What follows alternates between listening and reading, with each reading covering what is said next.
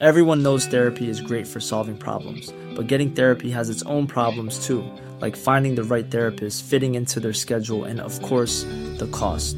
Well, BetterHelp can solve those problems. It's totally online and built around your schedule. It's surprisingly affordable too. Connect with a credentialed therapist by phone, video, or online chat, all from the comfort of your home. Visit betterhelp.com to learn more and save 10% on your first month. That's BetterHelp, H E L P.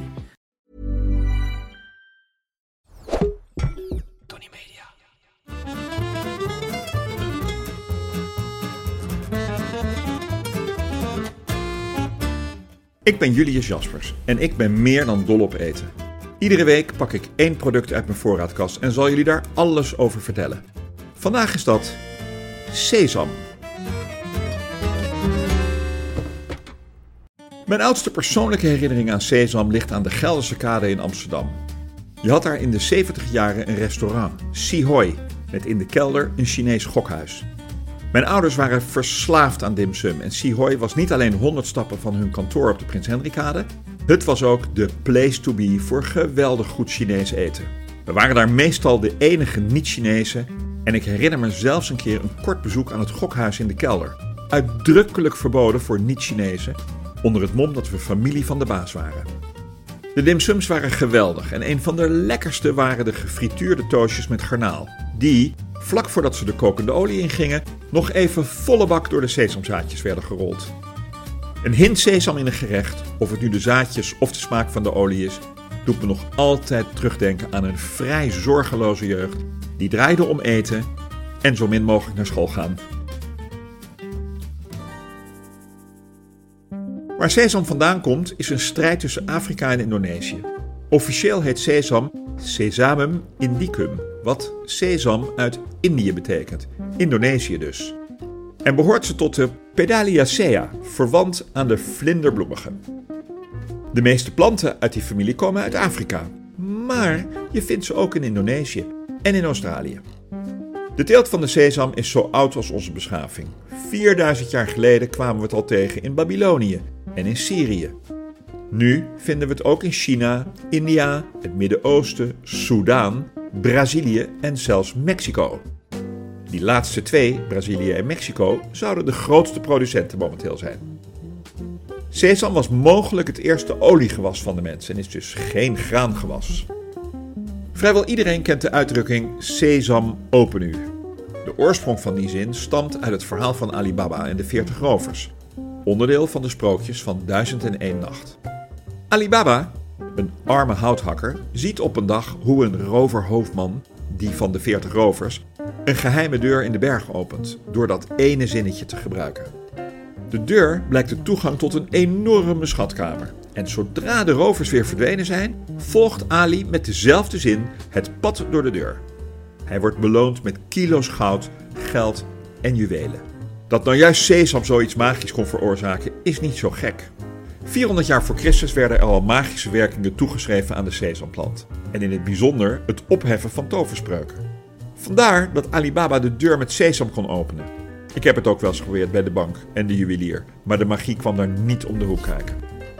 Dat sesam al zo lang populair is, is niet gek. Niet alleen vanwege het magische karakter van de plant was het populair. Sesamzaad en sesamzaadolie werd gezien als heel erg gezond. Marco Polo, je weet wel, die bekende Italiaanse ontdekkingsreiziger, schreef in 1298 dat de Perzische bevolking kookte met sesamzaad bij gebrek aan olijfolie. Sesamplanten worden geoogst voordat ze volledig rijp zijn en dan omgekeerd opgehangen. De zaden rijpen door en als ze volledig rijp zijn springen de zaaddozen open en slingeren ze de zaadjes in alle richtingen.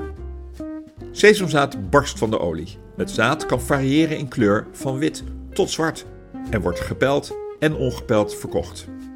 Het vetgehalte, 50%, is behoorlijk hoog en de natuurlijke smaak is neutraal. Pas als je de zaadjes roostert, krijg je die herkenbare notige geur, waarmee ik altijd heel voorzichtig ben. Want overdaad schaadt al heel snel.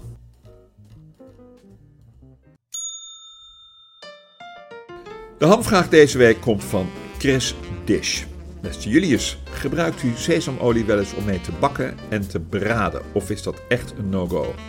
En hoe gebruikt u sesamolie het liefst? Nou, beste Chris Dish. Uh, nee, dat doe ik niet. Ik bak het liefst altijd in een neutrale olie. En dan houd ik er ook nog rekening mee dat er misschien iemand is met een pindaallergie. Dus ik gebruik het liefste zonnebloemolie. Neutraal. Maar na het bakken een druppeltje sesamolie ergens doorheen doen wat net gebakken is, dat doe ik natuurlijk wel. Dat is wel heerlijk. Maar puur bakken in sesamolie, nee, ik vind dat gewoon te heftig. De, de sesamolie smaak gaat dan zo overheersen dat je gewoon uh, wat je ook gebakken hebt eigenlijk niet meer goed proeft. Dus hoe gebruik ik het het liefst?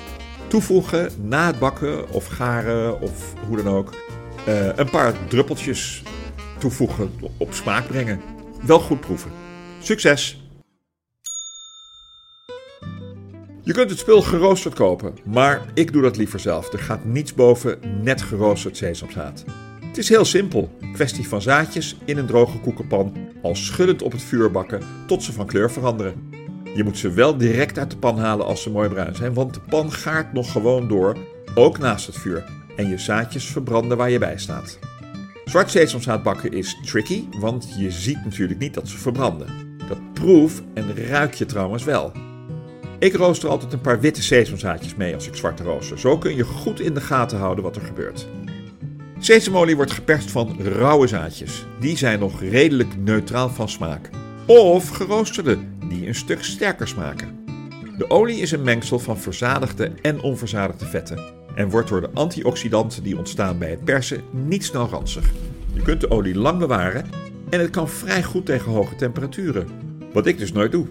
Na het persen van de sesamzaadjes blijft er een soort pulp over, waar in het Midden-Oosten helva, halva of halwa van wordt gemaakt. Het wordt gemengd met suiker en eiwit en tot een soort brokkelige noga gemengd, met allerlei toegevoegde smaken. Niet normaal lekker. Een andere toepassing van sesam is tahin of tahini, wat ze lokaal natuurlijk ook vaak tahini noemen. Gemalen sesampasta met wat extra olie dat we uiteraard kennen uit de hummus, waar ze ook weer vaak hummus voor gebruiken. De gemalen kikkererwten, die op smaak worden gebracht met deze pindakaasachtige pasta. Ook baba ganoush, gegaarde aubergine, schreeuwt om sesam in de vorm van tahini. Tahini komt oorspronkelijk uit Perzië, het huidige Iran, en was vroeger zo'n hot commodity dat het zelfs als geld- en ruilmiddel werd ingezet. Sesam in China doet het ook goed. Ik vertelde het al bij de intro. In Japan wordt het als gomasio, gemengd met zout, op tafel gezet. En in Korea gaat er geen bulgogi, dat is een Koreaanse barbecue, naar de tafels zonder sesam. Behalve in de keuken kom je sesam ook tegen in het badkamerkastje als grondstof voor cosmetica en als massageolie. Misschien heeft sesam toch magische krachten, want het spul zit in heel veel gezichtsolies die claimen dat het smeren ervan huidveroudering tegengaat. In de Ayurvedische geneeswijze uit India wordt sesamolie toegepast ter behandeling van huidziekten. Sesamzaadjes zijn rijk aan omega-vetzuren en vezels, antioxidanten, vitamines en mineralen. Ze bevatten meer omega-3, eiwitten en vezels dan noten, terwijl ze minder calorieën leveren.